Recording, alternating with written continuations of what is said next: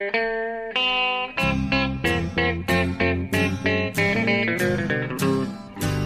out there, we're on the air. It's hockey night tonight. Tension grows, the whistle blows, and the puck goes down the ice. The goalie jumps and the players bump, and the fans all go insane.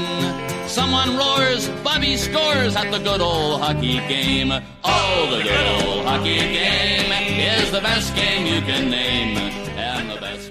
Hejsan, hallå! Det är dags för eh, NHL-podden igen. NHL-podden med Jonathan Ekeliv och ingen mindre än Per Biffen Bjurman uppe i New York. Hur är läget? Och tack, det är bra. Uppe i New York. Uppe i New York? Ja, det var konstigt. är det uppe i förhållande till Ja, dig? uppe. Jag är på Ja, andra det, sidan. Det är på Borta andra sidan York, och snarare neråt och eh, allt möjligt. Ja, borta i New York låter rimligast. Från Ja. ditt Stockholmsperspektiv. Ja, men jag är här. Och jag sitter Okej. vid mitt skrivbord och tittar ut på Manhattan och har en kaffe eh, inom räckhåll. Och eh, allt känns finemang inför Ja, denna sjunde podcast om NHL. den sjunde podcasten. Det är, det är fantastiskt. Men, eh, och det har varit en intensiv NHL-helg vi precis har eh, passerat. Och, eh, den, alltså, korresoffan har verkligen... Fast du har varit, kanske varit på plats på, på matcherna? Så. Ja, soffan har bara fått eh, vara med en match, den nya. Eh, Snyggare.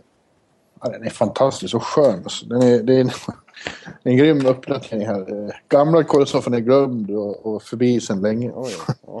Den här moderna, snygga, mer rymliga saken. Eh, eh, ja, jag är mycket, mycket nöjd.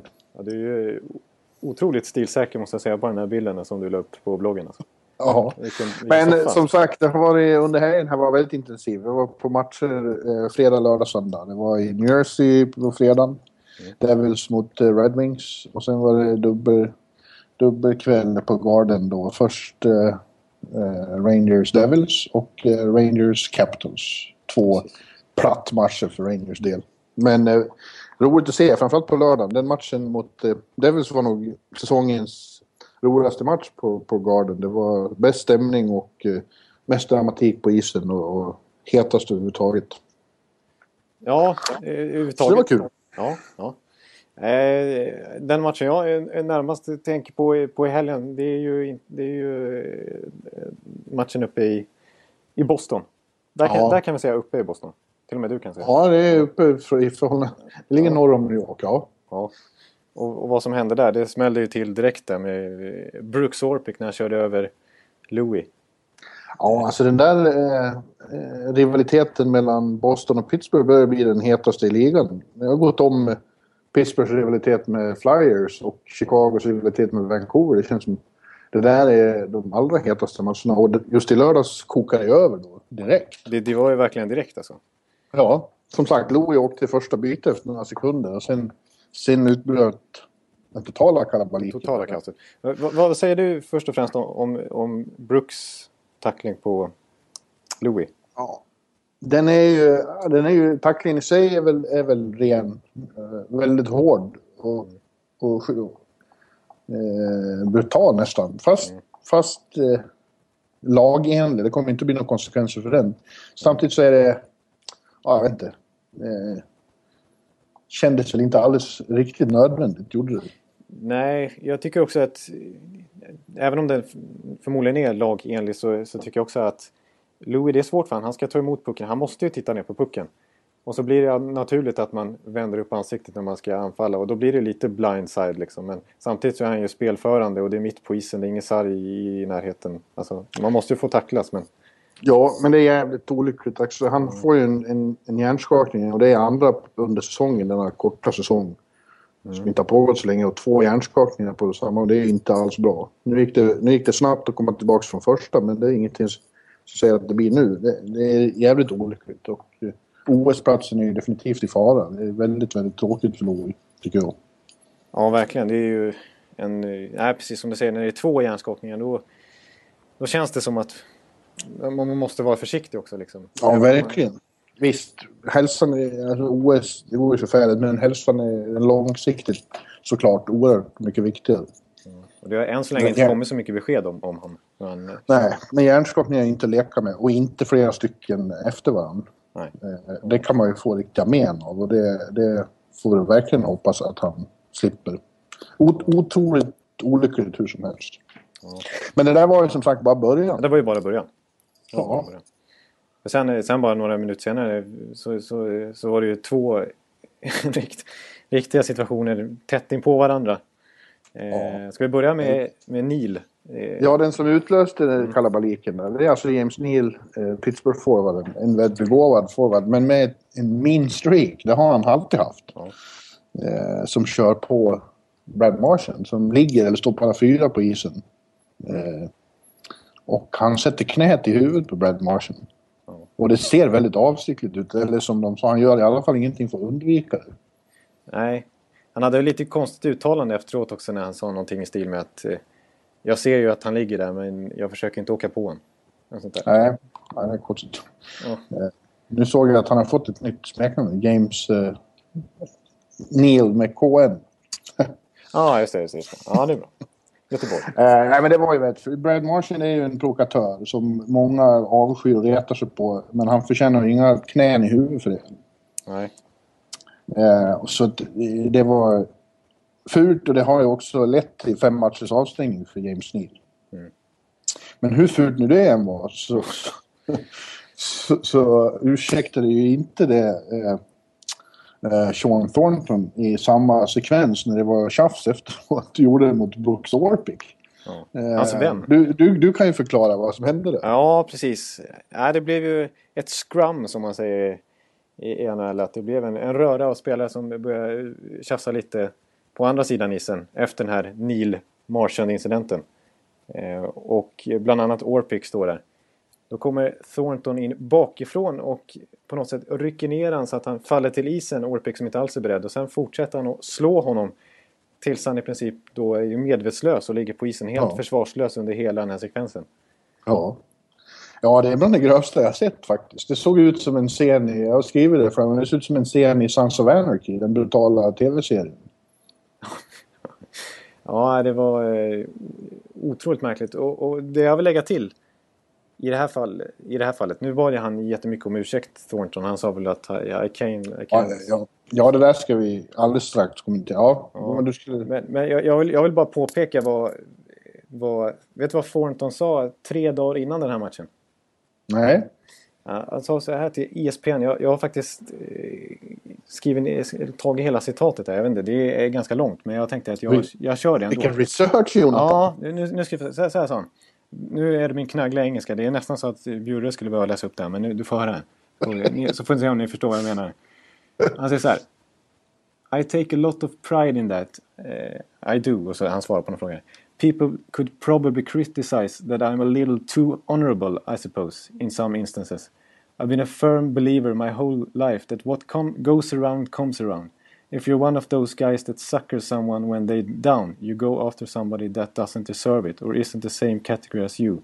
That will come back and bite you at some point. Så han, säger, han, säger ju att han, sku, han säger att han aldrig skulle slå någon som ligger ner och att det är what comes around goes around. Att han, Mm. att han fått kritik, kan förmodligen få kritik för att han är för hederlig i sitt spel. Ja. Ja, det är så konstigt då att det där sker. Och ännu konstigare att han efteråt säger att eh, han inte menar det. Och det och I så fall har han fått ett totalt hjärnsläpp. Ja, totalt det, hjärnsläpp. går, det går inte att mena något mer än det man gör där. Nej. Eh, och det, det, det otäckaste när, när, när, när Orpik ligger eh, medvetslös och medspelarna så här desperat börjar kalla på sjukvårdare. Ja. Och han bä- bärs ut orörlig så fick man ju, Det väckte ju obehagliga mörka minnen från 2004 och Ja. Ted Bertuzzi och, och Steve Moore-incidenten där. Slutade med att Moore faktiskt vart förlamad. Ja. ja, det var Nu ju... gick, nu gick det dessbättre inte så illa. Orpik fick en hjärnskakning också eh, men fick lämna sjukhus samma kväll och flög hem med, med Pittsburgh så han är okej. Eh, men det, det är ursäkta, jo, det kommer, alltså Thornton ska ju inställa sig för personligt förhör här med Shanahan i New York och kommer att få en kännbar avstängning. Den kommer att bli uppåt tio matcher lätt. Ja, precis. Vad, vad, vad, tycker du är rimligt då? Att han skulle få för straff? Ja, jag- Om du är Shanahan. Ja, man får, om jag fick bestämma Ja, så precis. skulle han få 20 matcher. Men nu, nu finns det ju eh, vissa riktlinjer. Man måste förhålla sig till hur de brukar döma. Eh, och jag skulle tippa på 10, 10 matcher. Tio matcher. Ja, för att det där var så... Ja, det var ett ren dår, dårskap. Ja. Och Clarkson och de här, de, han fick väl 10 matcher, David Clarkson i Toronto för att han hoppade in på isen. Ja, men det är ju... det är det är regel, det är en regel. Att, Ja, det är, ju, alltså, det är ju så här fastställt att hoppa in vid 10 matcher. det här känns ju värre tycker jag. Absolut, men ja, nu är de inte alldeles helt konsekventa den här eh, Department of Safety eller vad den heter, motsvarigheten till Disciplinnämnden. disciplinnämnden i, i Sverige. Eh, och, och för det här brottet i lördags finns det ingen fastställd skala så, utan det blir mer godtyckligt. Men jag tror att de upplever det som så grovt, vilket det ju var, så att eh, det kommer att kännas hos herr Thornton. Ja. Och det konstiga är ju, eh, vilket ju gjorde att han var så otroligt ångerfull efteråt också, är att han är ju kompis med Brooks Ja, Orpik. Att han tränar med honom på somrarna. Ja. det gör ju saker ännu underligare. Ja, och då ska han plötsligt dra ner honom bakifrån och slå honom medvetslös. Ja, Ja, det förstår man ju inte riktigt. det blir någonting att diskutera i sommar. när De ska Ja. skate. Precis. Kommer det. Tjena, läget? Du- Jag ber om ursäkt för att jag Ja. drog ner det bakifrån och slog det i huvudet. Jag menar inte. Nej, precis. Vad är det kungen säger? Vänder blad. Ja, ja nu, nu tar vi nästa kapitel. Ja, precis. Konstigt. Nej, men det där var ju väldigt märkligt. Och som du säger, det är ju lite Bertuzzi-vibbar och det är ju verkligen inga roliga vibbar. Nej, More. nej. Jag måste bara säga att jag, tar lite kaffe med honom. Det var någon för några veckor sedan här så var det någon som klagade på att jag smackar så mycket. Vad, vad fan satt du och smackade på? Var någon som skrev.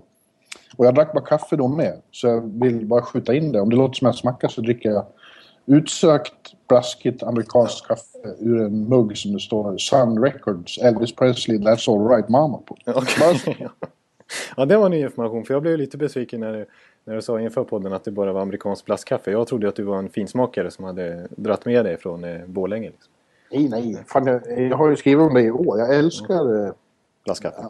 blaskigt amerikanskt kaffe. Helst det som serveras på pressläktaren nästan är som te. Ja, just det. Okej. Det är vad jag går på nu för tiden. Ja, okej. Ja, ja.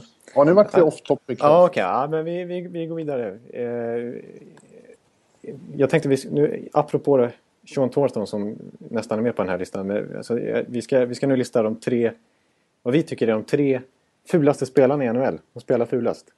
Ja. Och de tre spelarna som spelar ett hårt och tufft spel men som håller sig på rätt sida. Alltså de bästa, bästa agitator-spelarna ska jag säga. Mm. Eh, så vi låter ju Per Bjurman komma med sina namn. ja, jag har tre stycken här då. Och, och de två första är eh, båda i samma klubb. Och just nu ser det ut som att vi inte får se så mycket av dem, tack och lov. Och det är de två Buffalo-figurerna. Framförallt Patrick Kaleta då. Ja. Eh, och hans långskånkte kompis, eh, ja, vad heter han nu då? John Scott. John Scott, ja. Ja. Köttskallen. två, ja. De två känns eh, nästan som i en kategori för sig av, av busar som, eh, och framförallt Kaleto då, bara finns för, för att skada eh, sina motståndare. Vilket han har gjort eh, åtskilliga gånger.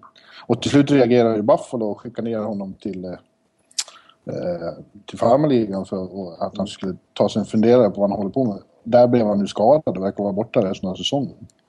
What comes around goes around eller vad är det Ja, och ingen, är, ingen någonstans är särskilt ledsen över det. Nej, Han är, han är, han är en jävligt obehaglig spelare, punkt och slut. Som inte verkar förstå det själv. Vad är det för fel?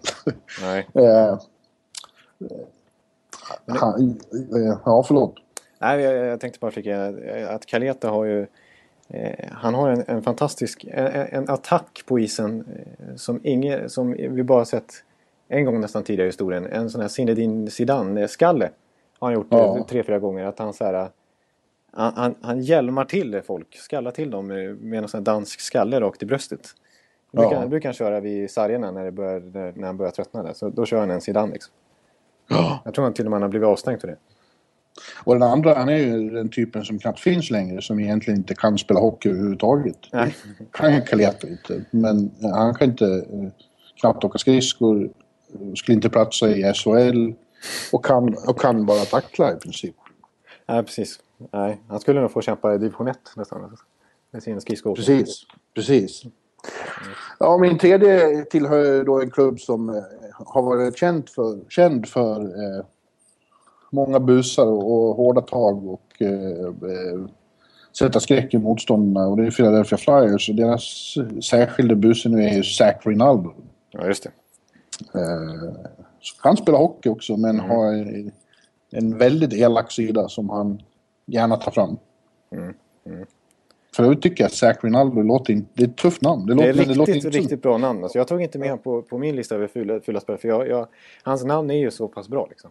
Ja, fast det låter inte som en hockeyspelare. Det låter Nej. som en, eh, som en fot. Det låter som en brasse. Liksom, Jo, spelar det är sant. Det är liksom Eh. Rivaldo och Rina- och Rinaldo som, som, som blir Ja. VM, Men han är brutal och... eh,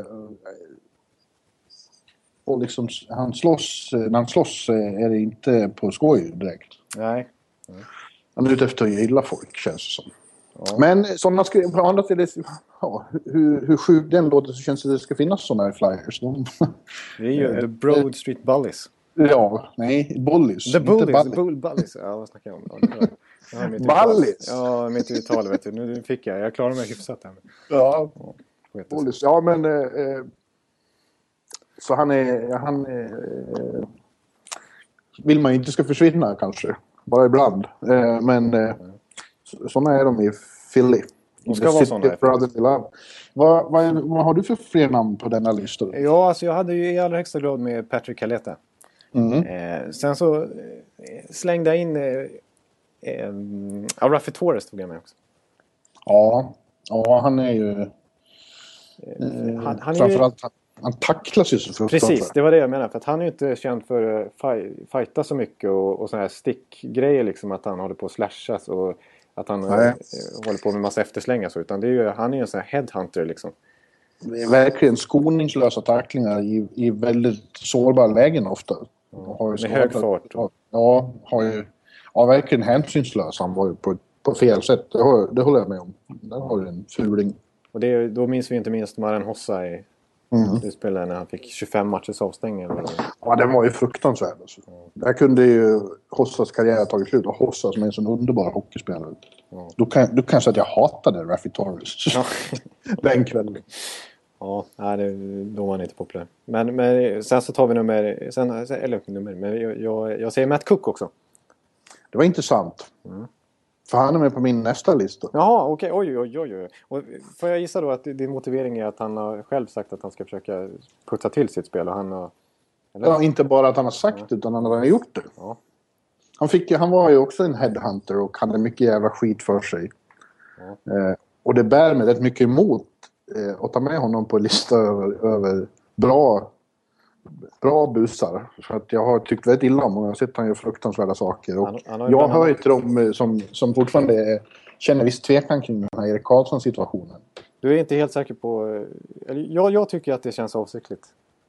Ja, precis. Alltså jag, det är inte av, han är inte ute efter att, Nej, och skära, skära av ner Eriks eh, hälsena. Men han är, ja, tror jag, ute efter att ge honom ett litet tjuvnyp. Ja. Eh, ju en det, det tycker jag känns... Det är en konstig situation i alla fall. Alla säger ja men sådär händer var, hela tiden, varje match. Men det skulle inte jag vilja påstå alls att det gör.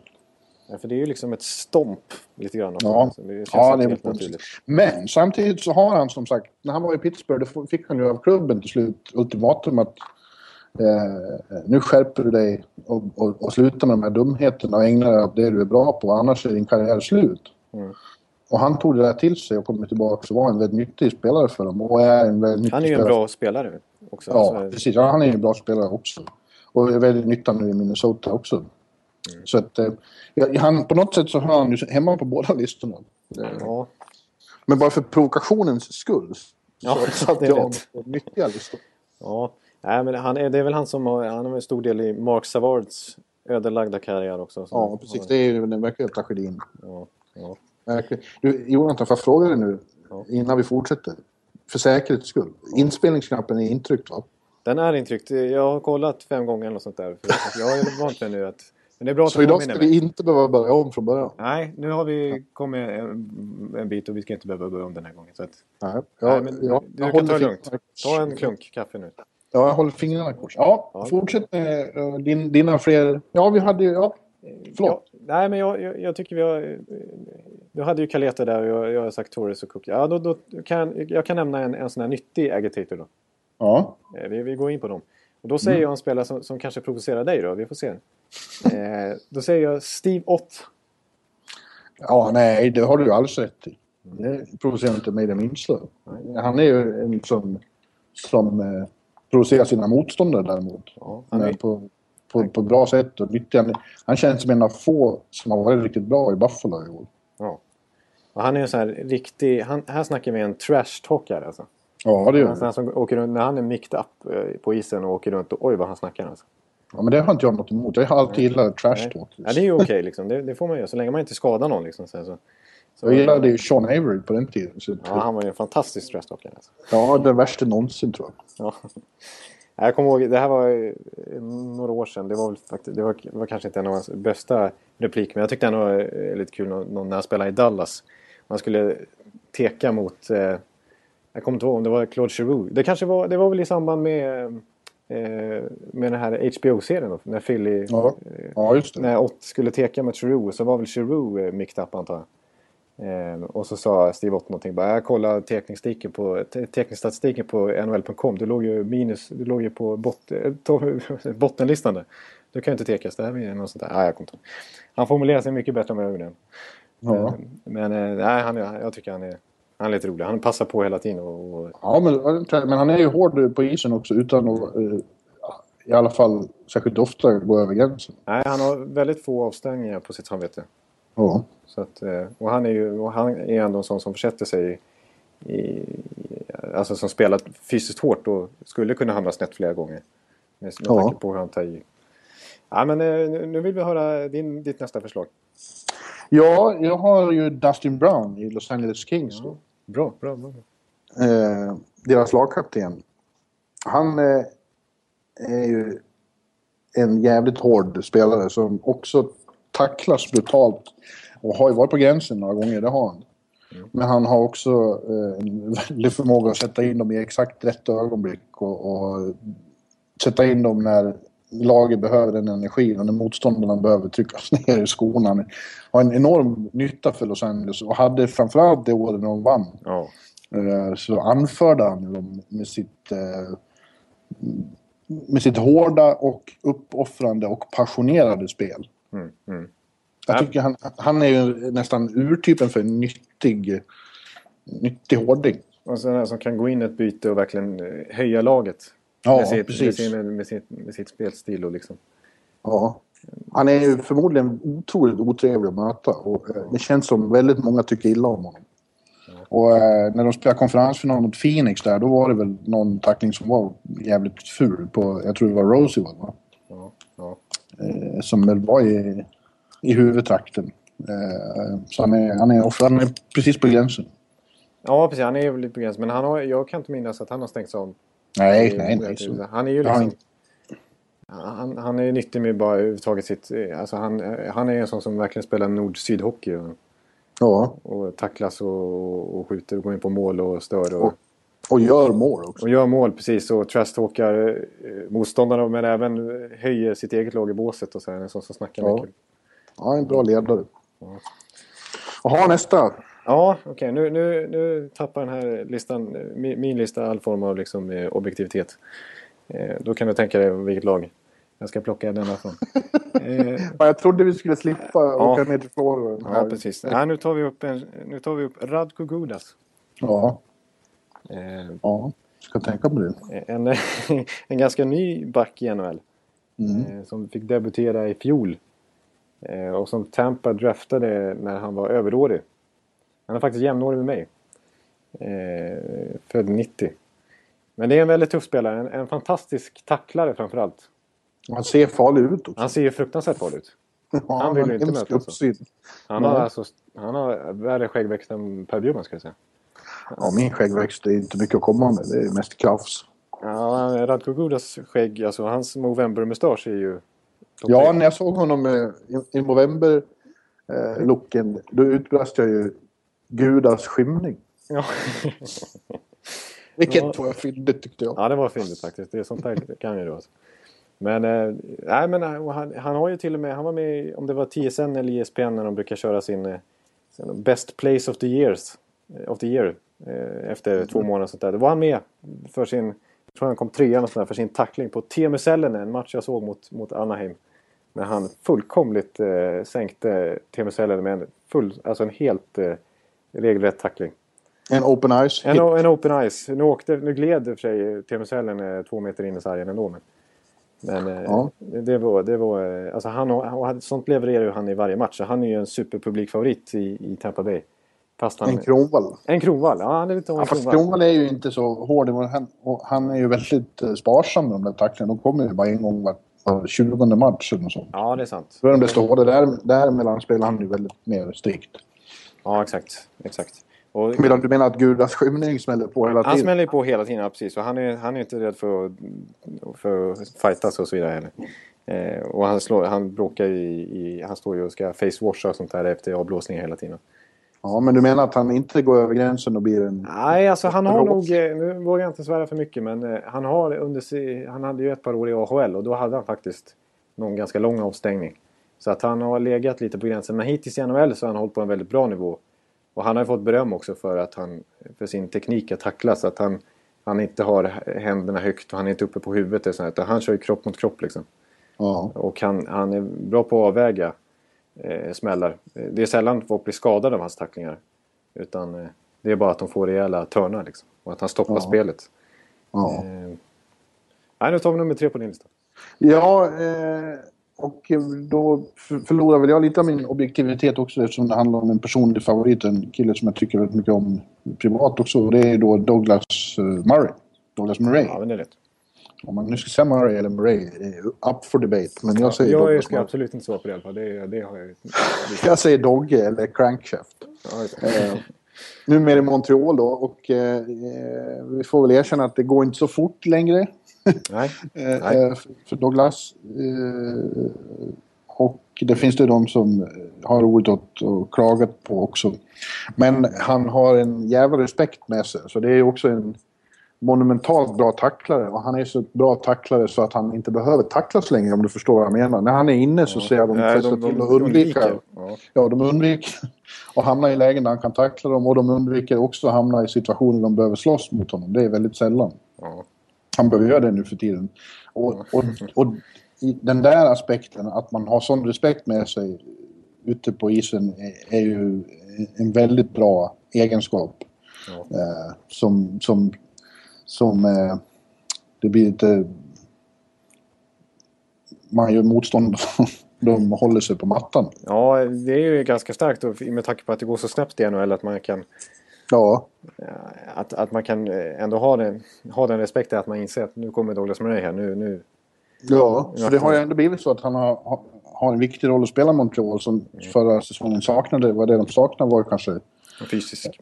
Fys, fysik och muskler och eh, förmågan att, att sätta sig i respekt. Eh, och det har han, trots sin eh, kanske långsamma framtoning, gett dem nu. Och det betyder väldigt mycket för Montreal. Ja, jag, jag, jag säger inte att det var någon slags Homer-val utan det var helt okej.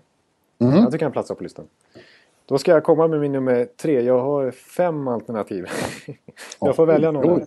Ja. eh, ja, jag kan sä- säga alla tre så får jag välja en av, av de tre. Mm. Eh, jag har ju skrivit upp eh, Wayne Simmons i Philadelphia. Mm. Apropå eh, Broad Street Bullies. Ja, och sen har jag Milan Lucic i, i Boston som jag har varit involverad i. En kanske lite tveksam när han körde på Ryan Miller. Eh, men så jag väljer då faktiskt lite, lite oväntat kanske. Corey Perry i Anaheim. ja. Ja, bra namn alla tre. Jag vill bara, apropå Wayne Simmons måste jag säga att det, det finns ju fler i, i Philadelphia. Vi sa att Zach Ronaldo var fru, men de har ju många bra sådana eh, precis på gränsen viktiga som inre. Scott Hartnell är en annan. Ja, precis. Ja. Men eh, visst, Corey Perry, vi, var lite inne på honom redan förra, förra veckan när vi Ja. pratade om hans radarpartner Ryan Getzman. Eh, och Corey Perry är en elak jävel. Alltså. Precis, det är en sån klassspelare med edge. Ja, Som är, ja, han är ju en fantastisk hockeyspelare, framförallt målskytt. Men han är också, han är också en väldig eh, tävlingsmänniska och och krigar i varje situation och, och är dålig förlorare och ska hålla på och gnaggas och gnäbbas. Men han är ju absolut ingen sån som gör fula tacklingar eller blir avstängd. Han är bara väldigt Väldigt irriterande förmodligen för motståndare. Ja, och, eh, precis. Han har ett det väldigt... slutspel är alltid invandrad i de här situationerna när man ska skicka ett budskap till nästa Ja, match. just det. Ja, precis. Exakt. Ja. Bara hans utseende blir man lite irriterad. Så är det. Det ser ut som en Ja, liten skitunge som åker runt där och håller på och gnabbas. En sån här riktig sån här fjor- 14-åring man som störde sig på i skolan. Ja, Men det är bra. Det är bra. Det är precis så det ska vara. Precis. Det är sådana, sådana som behövs och eh, de lag det går dåligt för har i allmänhet för få sådana där. Så är det Ja, faktiskt. precis. Det är en, väldigt, det är en liten nyckel faktiskt. Att, att ha, och då ska de helst vara rätt bra hockeyspelare också. Men har de Alla de här stora, de riktigt stora lagen eh, som, som har vunnit på sina år, de är ju stora, starka och elaka. Ja. Eh, Kings, Boston, Chicago också i någon mån. Eh, de gör ont att spela mot och det är förmodligen väldigt frustrerande. Ja, precis. Att de har det här kompletta när de åker in i zon. De blir tunga att möta och de tacklar så. Ja, exakt. De sätter verkligen Ja. press på motståndaren och då krävs det lite edge i spelarna. Liksom. Ja, Eh, Men du, nu ska vi återta en, en tradition som, som har bara hänt en gång i, i NHL-podden. Så det är väl ingen tradition. Det kanske blir det nu. Vi glömde Mhm. det förra veckan. När jag, när jag, eh, nummer fem eh, avsnittet som vi tillägnade Niklas Lidström. Då, då skulle du få utse den bästa nummer fem. Jaha. Sen fick du inte ut- utse nummer sex. Som jag hävdar är Shea Webber då. Så nu snabbt- kommer du dragande med nummer sju då? nu kommer jag med nummer sju och då, då, då ska du få sju, inte sju alternativ, du får tre Jag alternativ. har inte fått förbereda mig Nej, du får inte det. Men du, du, får, du får tre alternativ här så får vi se om det är någon spontan som, vi- som vi utser till, till, till nummer sju. Ja. Eh, bästa nummer sju. Eh, då får du välja mellan Brent Seabrook i Chicago, ja. Kyle Turris i Ottawa Mhm. Eller nu ska vi ta det. det sen, sen har vi ja, Jack Johnson i, i eh, Columbus. Jaha. Är det de? Finns det de- fler? Ja, jag kan, ta, jag kan ta några till. Jag, jag kände själv att de kanske inte är lika eh, plats. Ja, men kör. Ja, Okej, men då tar vi en eh, Radko Gudas då bara för att han har nummer sju. Ja. Såklart detta. Eh, och så har vi Brad Stewart, har nummer sju i San Jose. Helt okej Ja, där för just. feedback. Eh, ja. Men jag vi, vi kan Paul Martin in. i Pittsburgh. Ja. Ja, jag säger uh, Brent Seabrook. Eh, Kit Duncans uh, radarpartner. Duncan Keith. Duncan Keith, förlåt. Vad sa jag då? Keith Duncan. Ja. Det lät som en bra basketspelare. Duncan Keith, såklart. Förlåt, ska vi börja spela om från början så jag slipper skämmas för det? Nej. Ja, nej, det gör vi inte. Nej. Nej, eh, men det är ju ett av eh, de långvarigaste och mest solida backparen i ligan där i Chicago. Och Brent Seabrook hamnar lite i, i skuggan av Keith emellanåt. Men Ja. visade till exempel i slutspel förra året att han är en jävel i avgörande sammanhang. Han avgjorde väl två matcher på, i sadden Ja, precis. under konferensfinalen mot Detroit. Eh, väldigt begåvad back med eh, mer offensiv än han eh, får erkännande för. Ja. ja. Och där, vi har ju snackat om att eh, dra in Jonathan Eriksson och, eh, och Niklas Kronwall i svenska backuppsättningen i OS och dra in eh, Odoja Ja. och Hjalmarsson. Ja, sen, sen, absolut. tycker, sen tycker jag ofta att när, när folk... Att det, sen är det vissa som hävdar att eh, Keith och Seabrook ska in. Men då är det många sådana här som säger nej, inte Seabrook. Ta bara Keith, det räcker. Vi har så mycket bra backar. Alltså, men tycker inte du att både Seabrook och Keith ska vara med och spela ihop i OS? Ja, om jag var förbundskapten där så skulle jag väl fundera på det. Men å andra sidan, just vad gäller Kanada så har de så fruktansvärt mycket bra backar. Så att, eh, eh, där är konkurrensen helt brutal. Ja. Men det är min favoritsjua så här på rak arm när jag inte har fått undersöka det här själv. Till nästa vecka ska jag minsann kolla åttor. Det kan vi fan. Ja, då, då, då, då snackar vi. Ja. Så TJ Brody har ingen chans mot, eh, mot Brent Seabrook. Och inte Mark. Fane heller. Inte Keaton Ellerby. Det var det värsta. Alltså. Nej, men vi, går, vi går vidare mo- med, eh, med ett lag som vi, som vi faktiskt inte ens har... Ja, knappt har nämnt i den här podden. Som har faktiskt ganska många svenska supportrar. Och vi har hört av er på Twitter och, och, och velat att vi ska snacka om Montreal Canadiens. Ja, vi var ju lite inne på dem nu då med, med Dogge. Just det. Så det passar väl bra att fortsätta prata om dem. Ja, precis. Och de går väldigt bra nu. Det enda kanadensiska hoppet i, i, i ligan nu när Toronto har blivit sig själva igen Ja, och det. sladdar. Eh, snart är det bara Montreal som ligger på slutspelsplats av alla kanadensiska lag. Vancouver, till och med Vancouver har ju svårt att häva sig upp lite i år. Ja. Så det är Montreal hoppet står till. Ja. För hockeyns hemland. Precis, de, de, det var ju som du sa Toronto som förde den kanadensiska fanan till att börja med. Men nu har ju de som sagt, eh, nu känner vi igen Big Smoke igen här. Ja, det är som vanligt. De planerar såna här paradrutt i oktober. Ja, Och sen kommer det en supersvacka och så... Eh, och sen ja, nu gick de till slutspel i fjol då. Eh, var med om en av tidernas största sammanbrott. Eh, hopklappningar. Vi får väl se. Eh, men de är inte så bra som, som Toronto själva trodde i mitten av oktober. Så bra är de ju uppenbarligen inte. Nej, nej. Men nu var det Montreal vi skulle prata skulle om. jag snacka Montreal här. Eh, Just det. De har, när vi spelade in det här så har de väl fyra eller fem raka segrar. Och de har gått Ja. upp och toppar eh, eh, Atlantic-divisionen. Ja, de toppade hela östra, östra konferensen i, i ett dygn tror jag till och med. Och det, för någon, några veckor sedan här så hade vi dem en bit ner. De var ju knappt på slutspelsplats då. Ja, ja de har det är väl lite så att eh, eh, har varit lite ojämnt emellanåt. Kan vara lite svajigt. Men när de är som bäst så är det ett jävligt eh, starkt, intressant lag. Både Med, med, när de vill en extremt tät defensiv. Eh, men när de vill också eh, stor offensiv kraft. Det känns som ett rätt välbalanserat lag. Precis. Det, det, jag, när man försöker kolla på dem så nu, är det, nu ser de ju starka ut och de har varit ojämna. Men om man tittar på spelartruppen så är det svårt att hitta några riktiga svagheter. Nej, precis. Och nu som sagt det vi pratade om med Douglas, där de har fått lite mer muskler och lite mer huggtänder och känns lite farligare och att, eh, eller jobbigare att spela mot. Kanske kan knyta an deras eh, form, stark, eh, starka period här till Douglas Murray i och med att han missade de första matcherna när han var skadad. Ja, ja kanske ska överdriva. De har Nej, ju George. Paris också som väl, jag vet inte hur mycket han har spelat på slutet. Han var ju också skadad på en gång. De har, ja, just det, precis. Men sen har de ju en riktig sån agitator fjärdekedja vi måste lyfta fram med Brandon Prust, Ryan White och Travis Moan. Ja. Prust. Prust är Prust. en av mina favoriter. Heter han Prust? Ja, honom kanske vi återkommer till i ett annat sammanhang, förstår du, som vi har pratat om, ett moment i dagens Ja. podcast. Ja. men visst. Och han är ju en... eh, Ja, eh, som, nej, jag återkommer om honom. Men, men alltså, du, du hävdar att han heter Brandon Prust? Prust, ja. Det är så, har jag sagt fel. då när han var här. Det var det värsta jag varit med jag är, ju- jag, Hela min verklighet bara vrids upp och ner.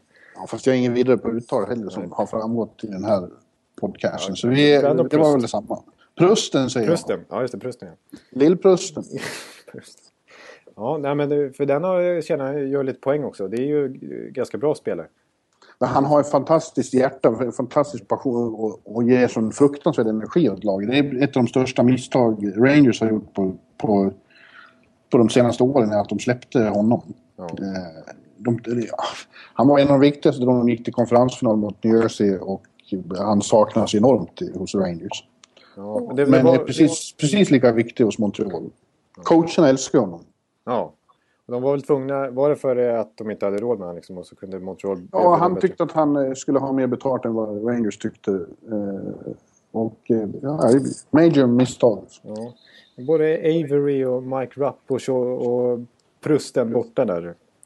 Ja, men de två andra var... Ja, Avery försvann ju på andra grunder. Ja. Men äh, Rapp tyckte jag var inte riktigt höll. Han var för Nej. långsam. Han var för långsam. Okej. Ja. Eh, men nu Montreal vidare. Det, det enda som är frågetecken för mig är ju som vanligt då målvakten. Du tycker det alltså? Carey Ja Price? han, ja, han är ju en av de bästa när han är, eh, när han är bra. Men han har ju lite så här flurry-tendenser och Ja. har långa sekvenser eh, när han känns väldigt vinglig och osäker. ja. Men nu, Och dessutom är jag väldigt tveksam till coachen. Michel ja, Michel. Terrier. Ja, just det. Ja, eller hur? Ja, nu är vi där. Ja, förlåt, förlåt. Det är ju Ja, något franskt uttal. ja något sånt där. Jag tyckte att han, han var väldigt typisk honom under slutspelet. Att han lärt sig spela... äh, Att Paul McLean spelade honom som en fiol. Alltså han, att han var så provocerad av Paul McLean och tog fokus. Ja, Eh, ja. Tappade, förlorade fokus och varit irriterad på Ottawa. Och det tappade de på i den slutspelsserien. Ja. Och han... Ja visst, han tog Pittsburgh ända till final, men det var lika då. Han var... Han fokuserade på helt fel saker. Och sen kom Biles med in och tog eh, Stanley Cup direkt. Precis. Så han känns som eh, att han är bra i, i, i grundserien när han får tillräckligt bra spelarmaterial. Men, men eh, Tappar fokus lite när det... Tappar fokus, inte är det man behöver vara i skarpa lägen. Han har inte kylan. Nej. Det är min eh, amatöranalys. Nej, annars känns han som en eh, lite mysgubbe. Nej, det gör han inte alls. Han är ju en surgubbe. Han ser, jag tycker han ser lite mysig ut när han står där, men han är lite sur. Han är. Det sägs att spelarna i Pittsburgh till slut att han fick gå. Det var ju att spelarna sa ifrån till slut för att han var så... Eh, En Mike Keenan. nej, inte McKinney. det var dålig stämning. Det var tråkig stämning för att han var så grinig. Han var absolut så långt från mysgubbe man kan vara nästan. Ja, skulle jag säga. Men eh, nu är han uppe i, i Montreal, i Quebec. Eh, och eh, är möjligt att det passar bättre där. Eh, och eh, ja, man hoppas lite. Det är, det är så klassiskt lag Ja, så det verkligen. skulle kul om de gick riktigt bra. Ja. Och Price, eh, om man ska försvara honom lite grann, så har han ju faktiskt nästan 94 procent i år. Eh, Så i år ser han ju faktiskt ut att ha tagit ett eh, litet kliv. Men sen är det sen som du säger, han har lite flurry tendenser så att det är ju slutspel det räknas för hans del.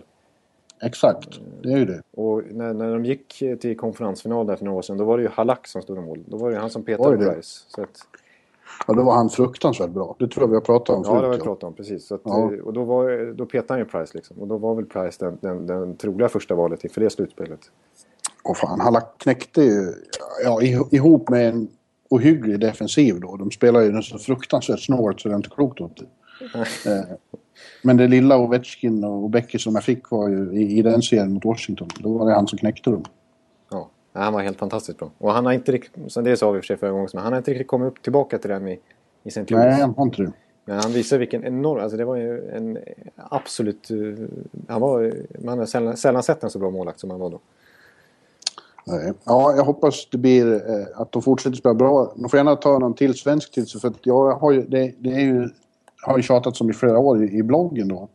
Det är ett faktum att jag fortfarande inte har varit i Montreal och inte varit i Bell Center. Nej. Eh, och det är lite skandal. Eh, Ja. Det är som att gilla, eh, det är som att gilla Elvis och inte ha varit i Memphis. Nej. Om man gillar hockey och inte har varit i Montreal. Nej, just det. Och, och det är många som kräver det. Förra året fanns det fanns en hel Facebookgrupp om, om, som handlade om att jag måste åka till Montreal. Det är en hel Facebookgrupp om det också. Ja, och nu har jag, nu har jag ju svurit och lovat på att den här säsongen ska det ske. Ja, du, jag, får- du, du har chans Det måste fortfarande- till i januari. måste januari näst- tror jag vi nästan, hamnar i nästan, innan, nästan innan det, för jag ska ju dit eh, den 4 januari. Ska jag se Montreal och Ottawa på plats där. Ja, det kanske det. Kommer kanske du vara på pressläktaren? Nej, jag kommer sitta, jag kommer sitta och betala mina 200 dollar och sitta uppe i taket istället. Så. Ja. ja, men jag kanske är där då så, så ses vi. Det skulle vara kul. Då är jag ju strax innan jag är i Detroit på Winter Classic. Då kanske man kan ta Montreal det. på vägen hem. Precis. Och jag tror att det är en måndag, tisdag, där. Så det är nästan en NHL-podd-dag till och med.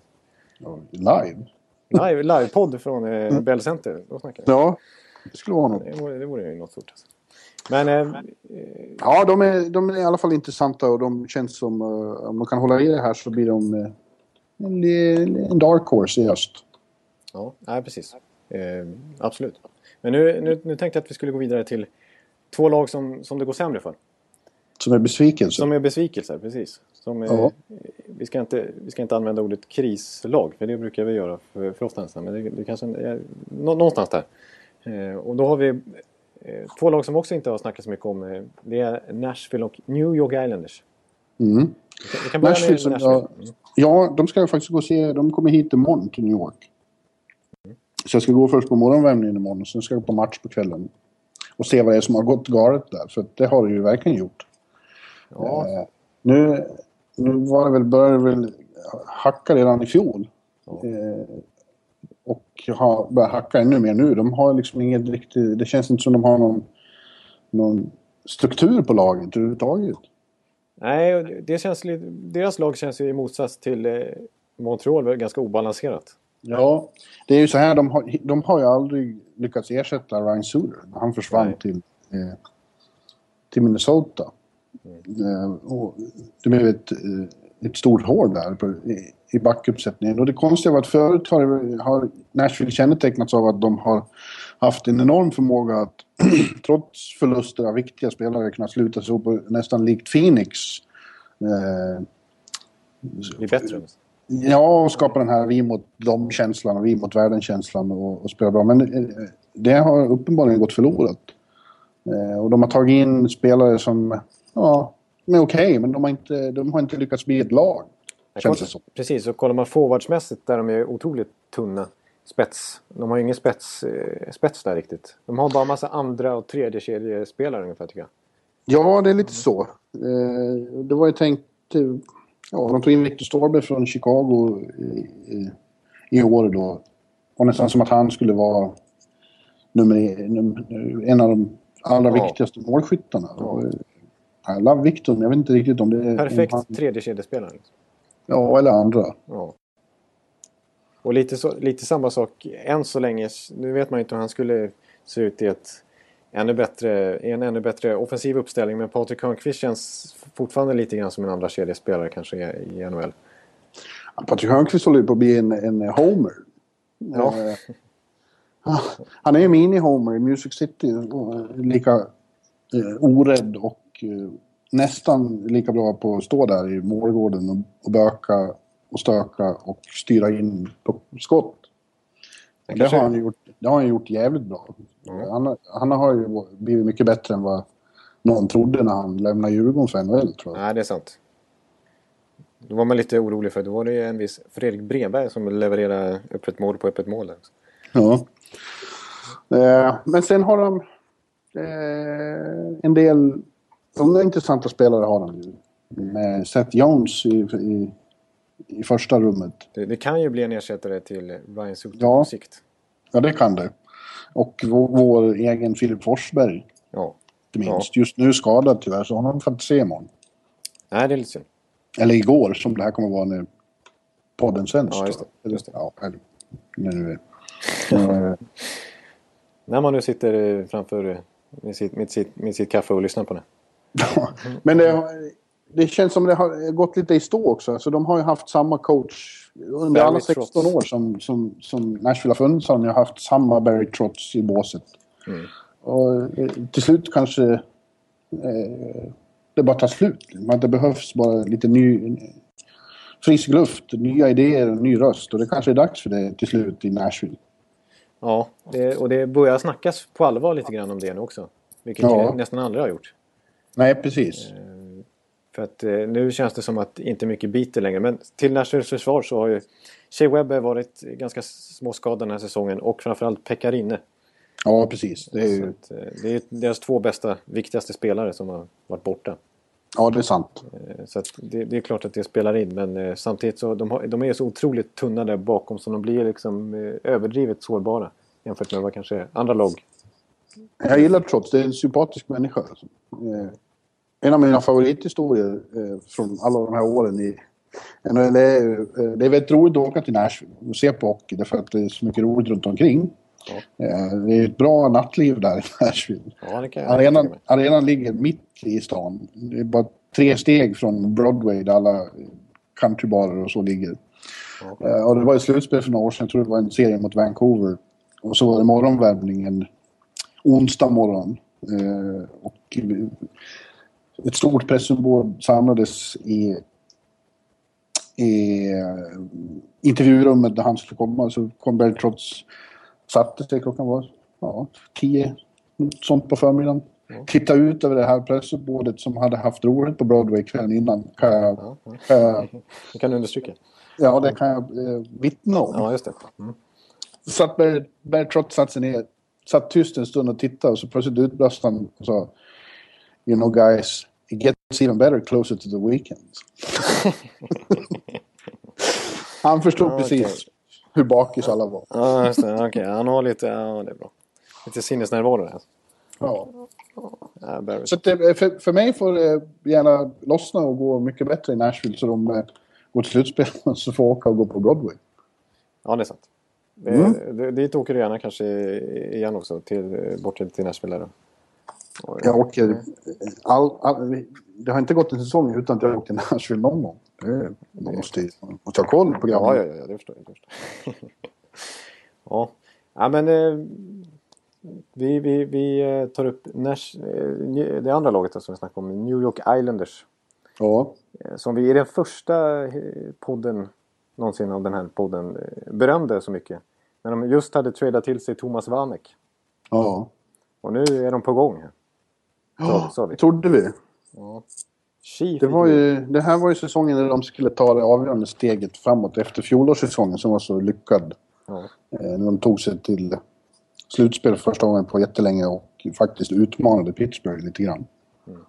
Och spelade väldigt rolig, både vägvinnande och underhållande hockey med fruktansvärt härlig energi och frenesi. Ja. Men eh, de har ju istället tagit ett kliv åt sidan eller snett bakåt eller hur har blivit och är nu långt efter. Precis, nu är de är till och med sist i, i den där dåliga divisionen. Är det så? I Metropolitan. Metropolitan, ja. Ja. Det är lite tråkigt att se. Alltså, jag tyckte det var väldigt kul med Highlanders i fjol. Man tycker det ska belönas lite när när de gör det, tar det här steget och trädar till sig Thomas Vanek. Ja, istället har det blivit eh, inget bra alls. Utan Nej. det verkar som att John Tavares åker omkring och saknar eh, Matt Molson. Precis. Som gick i andra riktningen. Och som nästan gjort mer poäng i Buffalo än vad Vanek har gjort i Islanders. Ja. Liknande i alla fall. ja, det är så. Men alltså sånt där är ju så otroligt svårt för en general manager att veta hur folk ska trivas ihop och vad det blir för slags kemi och så. Ja. Det var ju såklart lite chansning. Thomas Vanek är en jävligt bra hockeyspelare. Absolut. Och det kan ju fortfarande hända, men eh, det var ingen omedelbar succé. Nej, och sen så som, det, som vi konstaterade i den första podden också att han har ju, hans kontrakt går ju fortfarande ut liksom. När har Ja. till så det är inte alls säkert att han kommer stanna. Och då blir den här Nej. traden ganska kostsam med tanke på att de även släppte första val och så vidare i draften. Så att, Ja. Och det kan bli ett högt, hö- högt draftval nu när de kommer så här.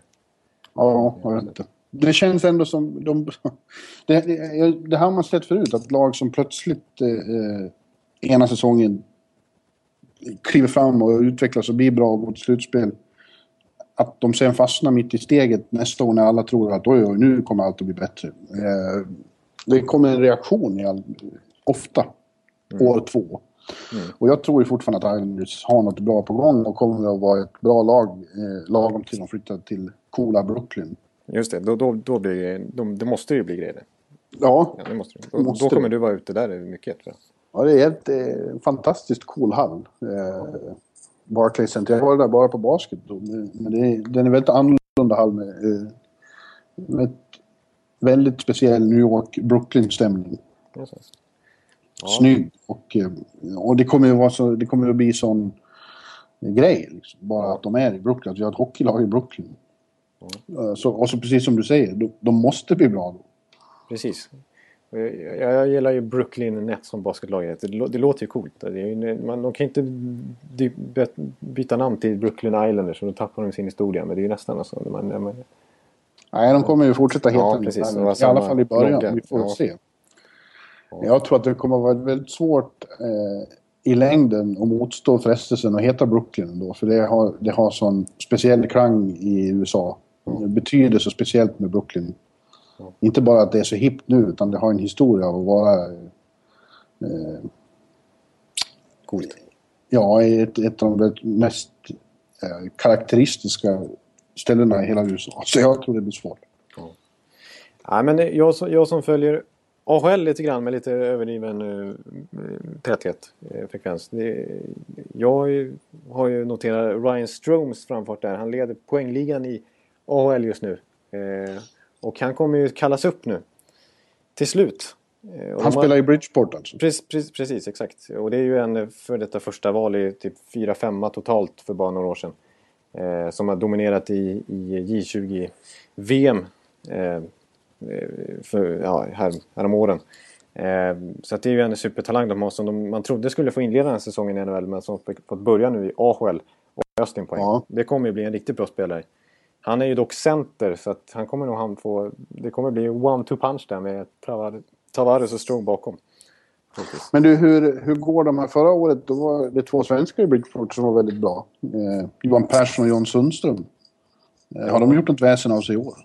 Du som håller koll på det. Eh, nej, inte, inte, inte så att jag har noterat eh, att de har gjort Nej. något, någon, något väsen av sig. Nej.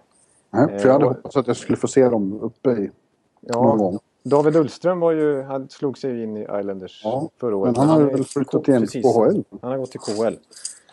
Eh, Eh, Men däremot har Anders Nilsson fått ju chansen nu i målet. Ja. Men när Bakov skadad så har han eh, eh, nästan blivit ställföreträdande första Morris.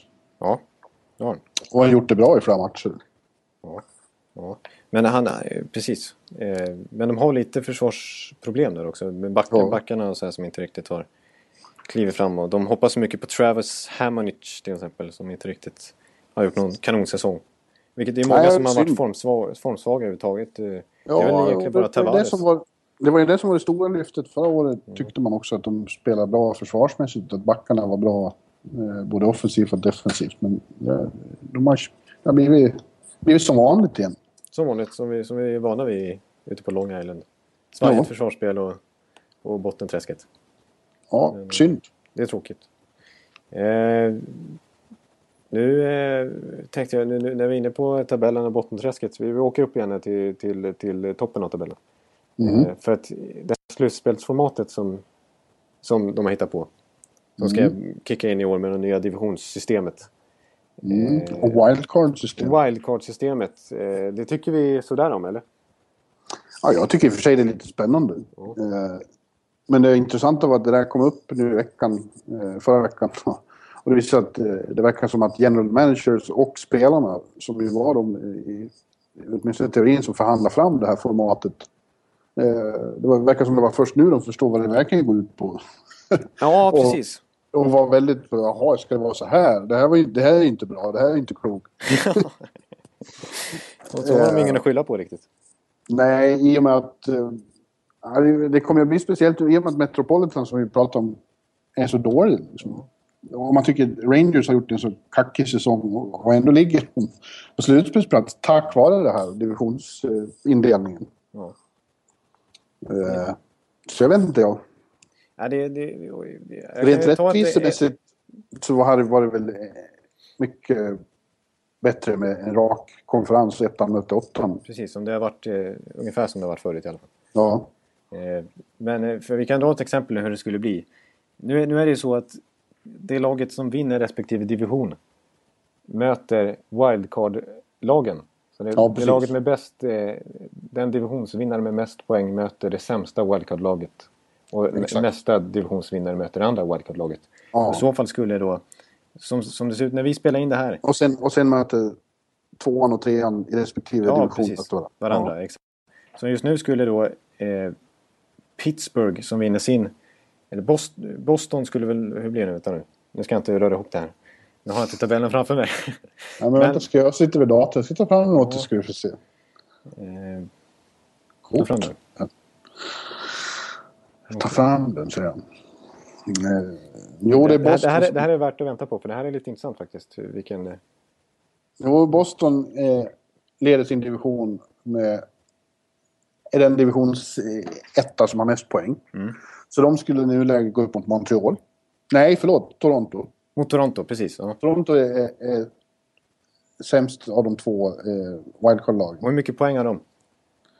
Eh, Toronto alltså 35. Precis. Eh, Och, det som är intressant att kolla då det är ju hur mycket trean i Metropolitan har. 31. Precis. Ja. Eh, så att... Eh, Ja, ja. Det ja lag- det, kon- det blir ju konstigt. Precis, så att det lag som ligger tvåa i, i eh, Metropolitan, vilket väl är Washington. Ja. ja 34. De har 34. De kommer möta det här laget som har 31 poäng, vilket är Carolina eller Rangers. Ja. Carolina. Carolina, precis. Rangers ramlar ut utanför. Ja, så det, Ja. det blir ju liksom... Och så får Pittsburgh, de kommer ju möta det andra, den andra wildcard-laget. Vilket Som heter Tampa Bay Tampa. Bay som har 36 poäng, det vet jag alla. Ja. Ja, så de Ja, så skulle det alltså- bli Montreal, Detroit och Washington, Carolina. Exakt, exakt. Så att Pittsburgh som vinner sin Metropolitan-division, de får möta Tampa som har 36 poäng. Medan Washington som kommer tvåa i den divisionen, divisionen får möta Carolina som har 31 poäng. Ja. Fan, om det var så här då, skulle jag följa serien Montreal, Detroit på plats. Ja, ja då, då, då skulle du få åka eh, till Bell Center i alla fall. Ja, det skulle jag. det. Slutspel där. Måste ju vara något. Det måste vara hur stort som helst. Eh, Så, tänk om det skulle bli eh, Montreal-Toronto. Då snackar vi. Ja. Ja, eh, det här är ju såklart eh, ologiskt och konstigt men samtidigt så kändes det kul att de gjorde något nytt. Mm. Eh, det var nyhetens behag. Det kanske har gått över om två, tre år. Men det här är ju bara på prov också, några år. Ja. Sen, ska det, sen ska det utvärderas. Ja. Det, men det, det, kommer nog bli ganska mycket snack om det här eh, i februari-mars. Ja, det här eh, togs väl också till för att det ska...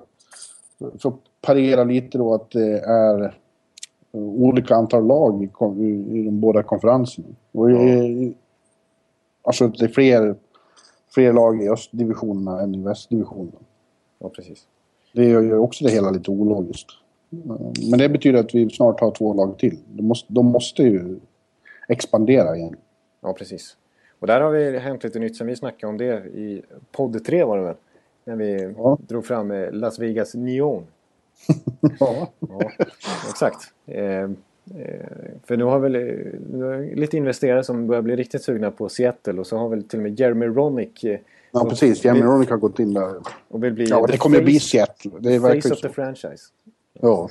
Seattle och Quebec säger de. Ja, det vore ju perfekt. Alltså. Ja. Men om det blir Quebec då, då måste man ju om eh, konferensindelningen.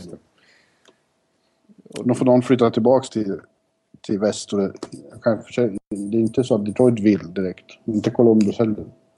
Nej. Eh, vi förstör ju lite där nere i Tampa Bay, för vi ligger så off. Ja. ja, jag tycker ni kan vara med i väst. Det, fan. Ja, det är lika bra. Vi får ändå åka så långt. Ja. Nu kanske inte det är så bra för oss. Då skulle vi inte ligga på slutspel. Men... Nej, där, har, där skulle det ju då... Eh... Ja, där är det mer normalt. Att wildcard-lagen har färre poäng än... Exakt, där, där tror jag att det stämmer nästan exakt. Eh, ja, som, om man skulle rada upp det i den gamla tabellen så att man skulle ha 1-8 istället så skulle det ändå bli ungefär samma. Ja, där skulle vi kan nämna det, förordningen skulle i, i, i, talande stund så skulle det bli Chicago-Vancouver. Härlig serie. Ja. Eh, det skulle bli Anaheim, Colorado. Ja. St. Louis, Minnesota och San Jose, Los Angeles. Ja, det är bra serie. Ja, men ännu bättre serie skulle ju vara Anaheim, Los Angeles. Ja, det är klart. Det är klart. Det är så, så är det. Ett Los Angeles-derby, det har aldrig varit i slutspelet. Det är många som skulle vilja se det. Nej. Ska, ska du förresten till Las Vegas och se på den här utomhusmatchen? Nej, den är inte i Nej, Las Vegas. Den är i Los Angeles. Den är ju i Los Angeles, vad du menar? Nej, jag ska se Winter Classic i Detroit eller i Ann Arbor som är på, i Big House inför 110 000 åskådare ja, på nyårsdagen. Och sen ska jag se de två matcherna här på Yankee Stadium. Sen får det vara nog med utomhusmatcher. Grejen är att de är väl... Det är underhållande upplevelser på TV, men på plats så kan det vara både si och så. Jag var och såg eh, Detroit-Chicago på eh, Wrigley Field i Chicago. Eh, vilket år är det? 2008 eller när det var. Och det var sådär, får jag lov att säga. Det var pressläktaren i, i höjd med rinken, fast långt bort. Så jag såg bara några huvuden som åkte omkring. Jaha, ja. Lite det var inte så kul. Nej, så får man titta på TV istället. Och frös gjorde man så in i helvete så fort man gick ut också. Och jag hatar att frysa. Jag hörde under tonen att det var dåligt blastkaffe också. ja, det, det som var värst ska vi inte gå in på. Men det var nyårsafton kvällen innan i Chicago. Och det var en yster nyårsafton kan jag säga. Det misstaget ska jag inte om den här gången. okay. Nej, alltså nu har vi snackat på en timme här men vi, vi har ju lite mer ämnen vi egentligen vill ta upp. Vi kanske får eh, flytta fram. Eh, vi hade ju tänkt att, att lyfta fram lite dådeslirare vi gillar. Ja, men, men det kan vi ta någon annan gång. Det kan vi ta en annan gång. Men innan vi lägger av så måste vi bara konstatera att eh, King Henrik har skrivit på ett jätteavtal. Ja, det har han. Vad, vad Sju år och nästan 60 miljoner dollar. Ja. Eh, och det har väl både sina pro och cons som de säger. Eh, jag tror att det är väldigt bra för Henrik. Nu har vi inte kanske sett det riktigt än. Det var väl, han, precis som resten av laget, var väl sådär här under helgen.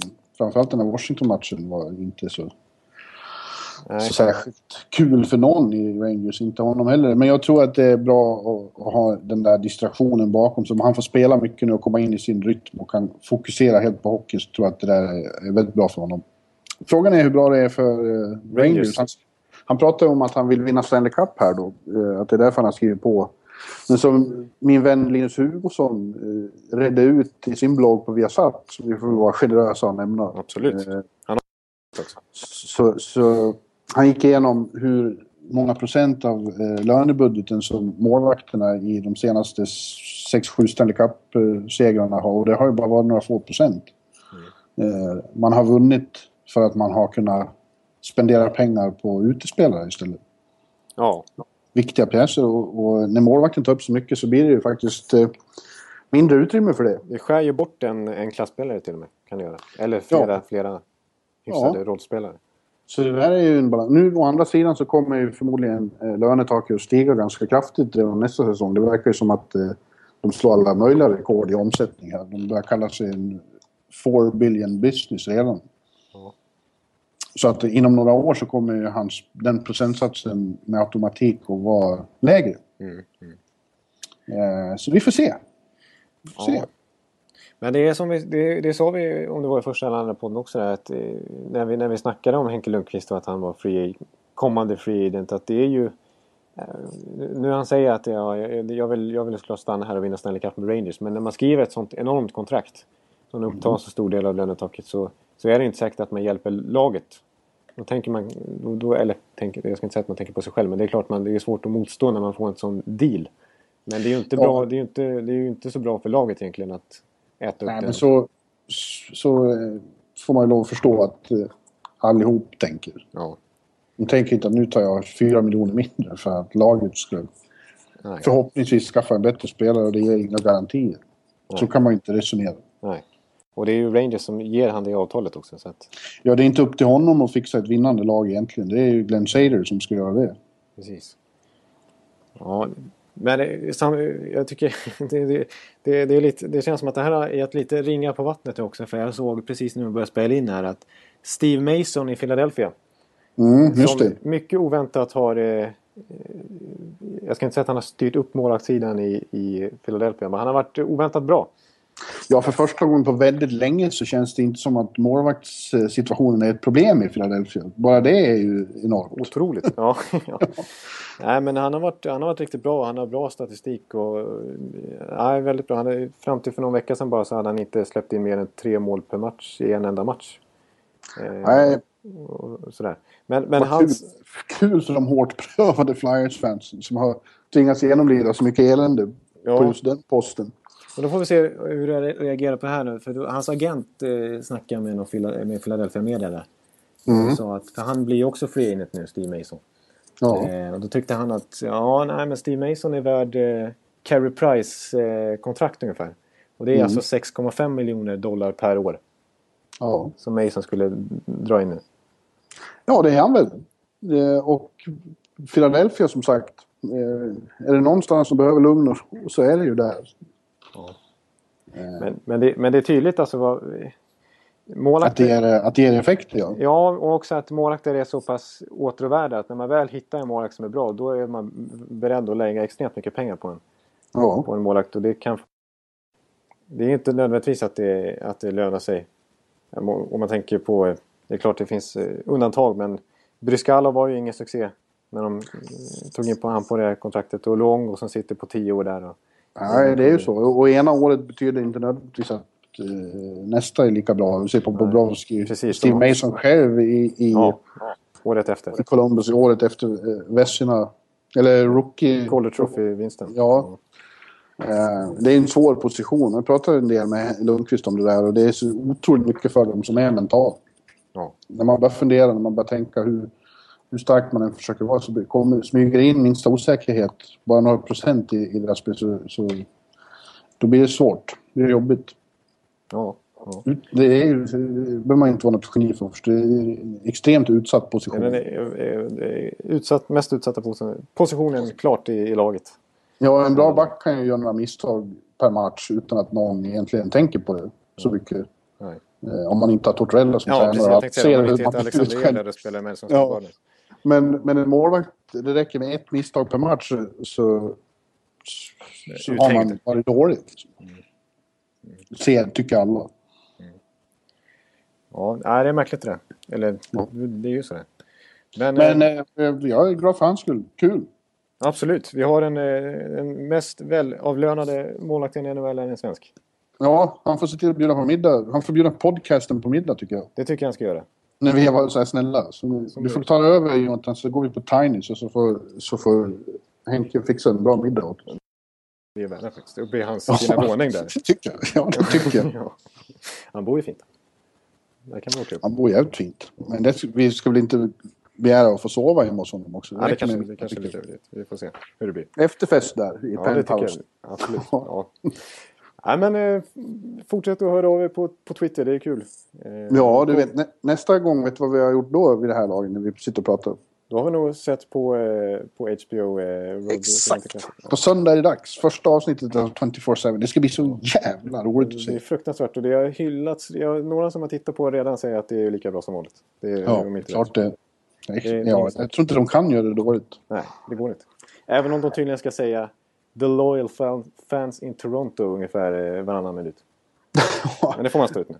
Det ska bli intressant att se för jag, har pratat med svenskarna i Detroit och de är så... De vill ju beskriva sig själva som så skygga att de inte vill vara med i den där kameran och sådär. Men... eh, eh, Så det ska bli intressant att se hur, hur, hur de Hur de hanterar tag i... Ja, Kronwall och Eriksson och kompani uppför sig. Ja, det, kommer bli, det kommer bli grymt. Det är Ja. inget snack om saken. Nej, nu har vi köttat här i väldigt Men då pratar vi om det. Rekordlänge tror jag. Ja, men då kommer vi att snacka HBO. Ja, absolut. Det är inget snack om det. Det kommer bli recensioner och allt möjligt. Här för oss. Ja. Men som sagt, ni som lyssnar, hör av er på Twitter eller mail och så om ni har förslag på ämnen ni tycker vi ska sitta här och bladdra om. Jag har kilat in lite ämnen i smyg här under podden. Det Ja, kommer från alla möjliga lyssnare. yes, Vi, vi tackar och vi hörs ju nästa vecka. det gör vi. Ha det så gott och tack för att du inte gjorde några fel med inspelningsknappen den här gången. Jag gjorde min bästa tekniska insats hittills tror jag. Ja, Det säger inte så mycket, men det är starkt. Ja, ha det bra allihopa. Vi ses och hörs. Hej, hej! Oh, take me where the hockey players face off down the rink. And the Stanley Cup is all filled up for the champs who win the drink. Now the final flick of a hockey stick and a one gigantic scream. The puck is in, the home team wins the good old hockey game. Oh, the good old hockey game is the best game you can name. And the best game you can name is the good old hockey game. Oh, the good old hockey game is the best game you can name. And the best game you can name is the good old hockey game.